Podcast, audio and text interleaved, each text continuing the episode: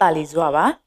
2022ခုနှစ်အောက်တိုဘာလ19ရက်နေ့မှာစုစည်းရရှိထားတဲ့ရခိုင်ရေးရာသတင်းတွေကိုတင်ပြသွားမှာဖြစ်ပါတယ်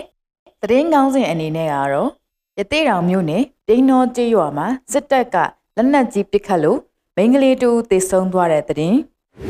မင်းများမြို့နယ်မှာစစ်တပ်ကလက်နက်ကြီးနဲ့ပစ်ခတ်လို့သေဆုံးခဲ့တဲ့မူလရမ်းမြဆီယာမကိုမင်းများတုတ်တံမှာကြိုခဲတဲ့သတင်း တောက်တော်မျိုးကစ္စပနဒီတဒါအနီးကလချမ်းမြီဆန်ဆက်ကိုလက်နက်ကြီးကြီးတန်ရပောက်ကွဲခဲ့လို့လုတ်သမားနှုတ်တန်ရရရှိသွားတဲ့သတင်းစတဲ့သတင်းတွေနဲ့အတူအခြားစုစည်းရရှိထားတဲ့သတင်းတွေကိုတင်ဆက်သွားမှာဖြစ်ပါတယ်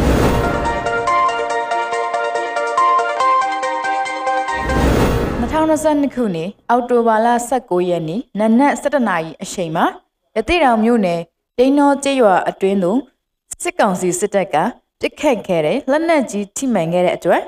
အသက်14နှစ်အရွယ်တရမရန်ကျောင်းသူတူအသက်ဆုံးရှုံးခဲ့ရတာပါ။ကျောင်းသူလေးရဲ့နာမည်ကတော့မငိမ့်အေးဆန်ဖြစ်ပါတယ်။လက်နက်ကြီးကြီးစားနောက်ကျောတစ်ခုလုံးကိုဖောက်ဝင်ကတေဆုံးသွားခဲ့တာဖြစ်ပြီးဦးကျော်ထွန်းရင်းနဲ့မငိမ့်အေးဆန်အမဖြစ်သူရဲ့သား9နှစ်အရွယ်ကလေးတူမှာဒဏ်ရာအနှဲငယ်ရရှိခဲ့ပါသေးတယ်။ကျေးရွာရှိဒေသခံတချို့မှာမယူကန်အနောက်ဘက်သို့ ဆက်လေများဖြင့်ထွက်ပြေးတိမ်းရှောင်နေရတယ်လို့သတင်းရရှိပါတယ်။စစ်တပ်ကလက်နက်ကြီးလက်နက်ငယ်များပစ်ခတ်မှုကြောင့်မင်းပြားမြို့မှာမူလရန်ပြဆရာမတူဟာ2022ခုနှစ်အောက်တိုဘာလ18ရက်နေ့မှာတေဆုံးခဲ့ပါတယ်။တေဆုံးသူရဲ့ရုပ်အလောင်းကို အောက်တိုဘာလ19ရက်နေ့နေ့လယ်2နာရီမှာမင်းပြားတုတ်တံမှာတကြိုခဲကြောင်းသိရပါတယ်။အသက်49နှစ်အရွယ်မူလရန်ပြဆရာမဒေါ်မမြစောဟာ နယ်မြေတည်ငြိမ်မှုမရှိတဲ့အတွက်မင်းပြမြို့မှာတာဝန်ကျရာတောင်ချောင်းကြီးကျေးရွာကိုနေ့ချင်းမြန်တောင်းတက်နေရတဲ့ဆင်မတူဦးဖြစ်ကြောင်းသိရှိရပါတယ်ရှင်။2022ခုနှစ်အောက်တိုဘာလ19ရက်နေ့နေ့လယ်တနာရီခွဲမှာတောက်တော်မြို့နယ်ကစ္စပနဒီတရားအနီးမိုင်းပေါက်ကွဲတဲ့တစ်ချက်ထွက်ပေါ်လာပါတယ်။အဲ့ဒီနောက်မှာတော့တရားအနီးကိတ်ချထားတဲ့စစ်ကောင်စီတပ်သားများက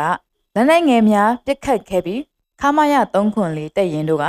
လက်နက်ကြီးများဖြင့်ပစ်ခတ်မှုကြောင့်ဝက်မိုင်းကျေးရွာအနီးတွင်ရှိသောလက်ကျဲမြီဆန်ဆက်သူလက်နက်ကြီးကြီးတစ်လုံးကြားရောက်ပောက်ကွဲခဲ့ပါတယ်။ဒီပောက်ကွဲမှုကြောင့်ကိုမောင်ကျော်တန်းအသက်24နှစ်နဲ့ကိုကျော်မောင်အသက်34နှစ်မှာဒဏ်ရာရရှိခဲ့ပါတယ်။တောက်တော်မြို့ပြည်သူ့စေယုံမှာစစ်ကုသမှုခံယူနေကြောင်းဒေသခံများမှပြောလာပါတယ်ရှင်။ရခိုင်ပြည်နယ်မြောက်ပိုင်းမှာပေါက်တော်စစ်တွေရေရင်ပြေးဆွဲမှုကလွဲလို့ အခြားရေရင်လိုင်းတွေကိုစက်တင်ဘာလကတည်းကစစ်ကောင်စီကပိတ်ပင်တားဆီးထားတာပါ2022ခုနှစ်အောက်တိုဘာလ19ရက်နေ့မှာစစ်တွေပေါက်တော်ရေရင်ပြည့်ဆွဲမှုကိုလည်းစစ်ကောင်စီကထပ်မံပိတ်ပင်လိုက်တယ်လို့ရွှေပြည်တန်းရေရင်လိုင်းလက်မှတ်အယောင်ဌာနကတာဝန်ရှိသူတူကပြောဆိုပါတယ်အခုလိုပိတ်ပင်တားဆီးမှုတွေကြောင့်ဒေသခံများရဲ့စာဝတ်နေရေးအရေးတကြီးကျန်းမာရေးကိစ္စတွေအတွက်အခက်ကြုံနေရကြောင်းကိုဒေသခံတူကဆိုလာပါတယ်ရှင် အောက်တိုဘာလ14ရက်ကလေးကစစ်ကောင်စီကဖမ်းဆီးထားတဲ့ဘောင်တော်မြို့ဒေသခံ2ဦးနဲ့ဖပ်ပြေးတင်းရှောင်နေသူ2ဦးကိုအောက်တိုဘာလ16ရက်နေ့မှာမတရားအသင်းဆွတ်တယ်မှုဥပဒေပုံမှာ7.1 7.2တို့နဲ့ဘောင်တော်မြို့မှစခန်းမှာအမှုဖွင့်လှစ်ထားကြောင်းသတင်းရရှိပါရရှင်အမှုဖွင့်ခံထားရသူတွေကတော့ဂရုဏာကွန်ရဲ့အသင်းဥက္ကဋ္ဌဦးချစ်ထူခိုင်ဗရာယီမှုဥလာသိန်းကညင်နန်းရောက်ကကဥညီဘူးနဲ့အမတ်လေးရက်ကွက်မှာ KNN ရေတန်းဆက်ပိုင်ရှင် ဦးထွန်းလင်းကျော်တို့ဖြစ်ကြပါတယ်။ဦးချစ်တူခိုင်နဲ့ဦးညီဘူးတို့မှာတော့လက်ရှိအချိန်မှာထွက်ပြေးတိတ်ရှောင်နေဆဲဖြစ်တယ်လို့သတင်းရရှိပါတယ်ရှင်။ရခိုင်ပြည်ရှိဘေးရဲဆိုင်ကဲနဲ့တုံးမိန်ဆိုင်ကဲမောင်းနှင်သူများဟာရင်စည်းကမ်းလမ်းစည်းကမ်းလိုက်နာမှုအားနည်းတဲ့အပြင်ဘေးရဲဆိုင်ကဲများမှာတရားဝင်မောင်းနှင်ခွင့်မရှိတဲ့အတွက်မကြာမီဖမ်းဆီးအရေးယူတော့မည်ဖြစ်ကြောင်းအော်တိုဘာလ19ရက်နေ့မှာရခိုင်ပြည်ကုန်းလန်းပို့ဆောင်ရေးညွှန်ကြားမှုဦးစီးဌာနမှပြည်내ဦးစီးမှု ဦးကန်ညွန့်ကပြောလာပါတယ်။ဘေးရဲဆိုင်ကယ်တွေကိုလိုင်စင်ထုတ်ပေးဖို့မောင်းနှင်သူတွေကတောင်းဆိုကြကြပေမယ့်အစိုးရအတိအမှတ်ပြုဆက်ယုံတွေကထုတ်လုပ်ထားခြင်းမဟုတ်တာကြောင့်လိုင်စင်ထုတ်ပြီးရင်အစင်မပြေနိုင်ကြောင်းတာဝန်ရှိသူများကပြောဆိုထားပါတယ်ရှင်။မြောက်ဦးမြို့နယ်ဝေတာလီကျေးရွာမှာစစ်စရာကိုနိုင်ဦးအသက်16နှစ်ဟာအောက်တိုဘာလ19ရက်နေ့မှာမြောက်ဦးမြို့မှာစစ်ပစ္စည်းများဝယ်ပြီးပြန်လာခဲ့ပါတယ်။ရွာကိုအပြန်လန်းခုလန်ထမရစ်လန်းဆောင်ရှိ စစ်ကောင်စီစစ်စေးရေးကိန်းမှာအဆိုပါကိုနိုင်ဦးဟာစစ်စေးဖမ်းဆီးခံခဲ့ရပါတယ်။ကိုနိုင်ဦးဟာကျေးရွာမှာစေကုသပေးနေသူတူဦးသာဖြစ်ပြီး ULAAA အထင်ဖြင့်ဖမ်းဆီးသွားတာဖြစ်နိုင်ကြောင်းဒေသခံတူဦးမှပြောဆိုပါရရှင်။ရခိုင်ပြည်ရမ်းပြဲမြို့နယ်မှာစစ်ကောင်စီစစ်တပ်ကအော်တိုဘာလ9ရက်နေ့မှာဒေသခံ၄ဦးကိုဖမ်းဆီးခဲ့ပါတယ်။ထပ်မံပြီးအော်တိုဘာလ15ရက်နေ့မှာလည်းဒေသခံ12ဦးကို